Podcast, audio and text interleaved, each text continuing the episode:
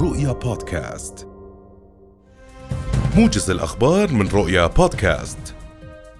قال مستشار رئاسة الوزراء مسؤول ملف كورونا الدكتور عادل البلبيسي إن اللجنة الوطنية لمكافحة الأوبئة أوصت بإلغاء إلزامية ارتداء الكمامة في الأماكن المغلقة.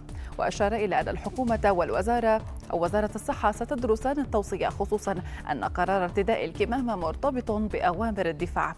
ولفت إلى أن هناك توصية بتلقي الجرعة الرابعة من لقاح كورونا لمن مضى على تلقيه الجرعة الثالثة ستة أشهر مبين أن الوضع الوبائي في الأردن جيد ومستقر.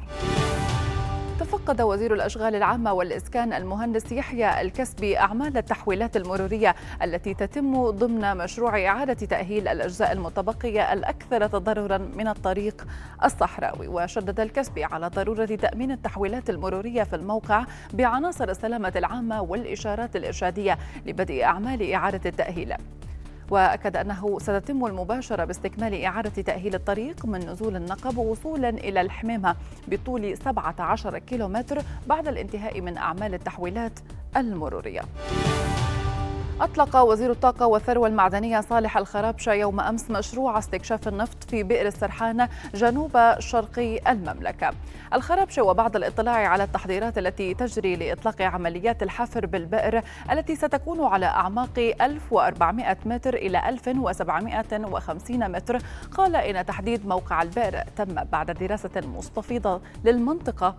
استنادا لمعلومات المسح الزلزالي ثلاثي الأبعاد الذي تم تحليله لتحديد مناطق الأنهار الجليدية التي تعرضت لها المنطقة قبل ملايين السنين والذي أعدته الوزارة وشركة البترول الوطنية بالتعاون مع شركات استشارية عالمية في مجال النفط والغاز. اقتحمت قوات الاحتلال الإسرائيلي صباح اليوم مدينة جنين شمال الضفة الغربية المحتلة. وذكرت مصادر محلية أن العشرات من الجبات العسكرية التابعة لجيش الاحتلال اقتحمت مخيم جنين من عدة جهات. وأضافت المصادر أن قوات الاحتلال الإسرائيلي تحاصر المخيم ونشرت الجنود والقناصين فوق أسطح المنازل. فيما شوهدت طائرات للمراقبة ومروحية في سماء المدينة بالتزامن مع عملية الاقتحام. قدمت كل من فنلندا والسويد اليوم طلبات رسمية للانضمام إلى حلف شمال الأطلسي الناتو. وتلقى الأمين العام للحلف ينس ستولنبرغ طلبات من سفيري فنلندا والسويد لعضوية بلديهما في الحلف ببروكسل. واعتمد قرار الانضمام أمس من البرلمان الفنلندي بأغلبية 188 صوتا مقابل ثمانية أصوات ضد الانضمام.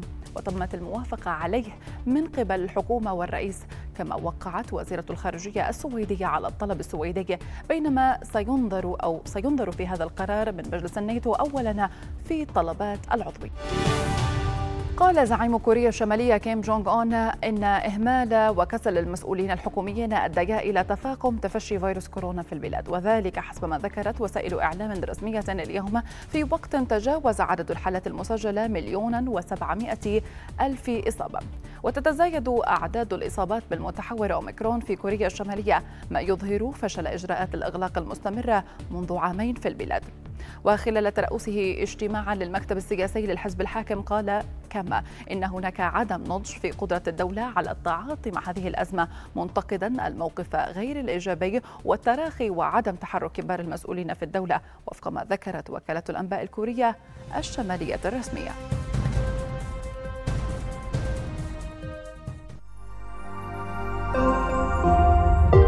رؤيا بودكاست.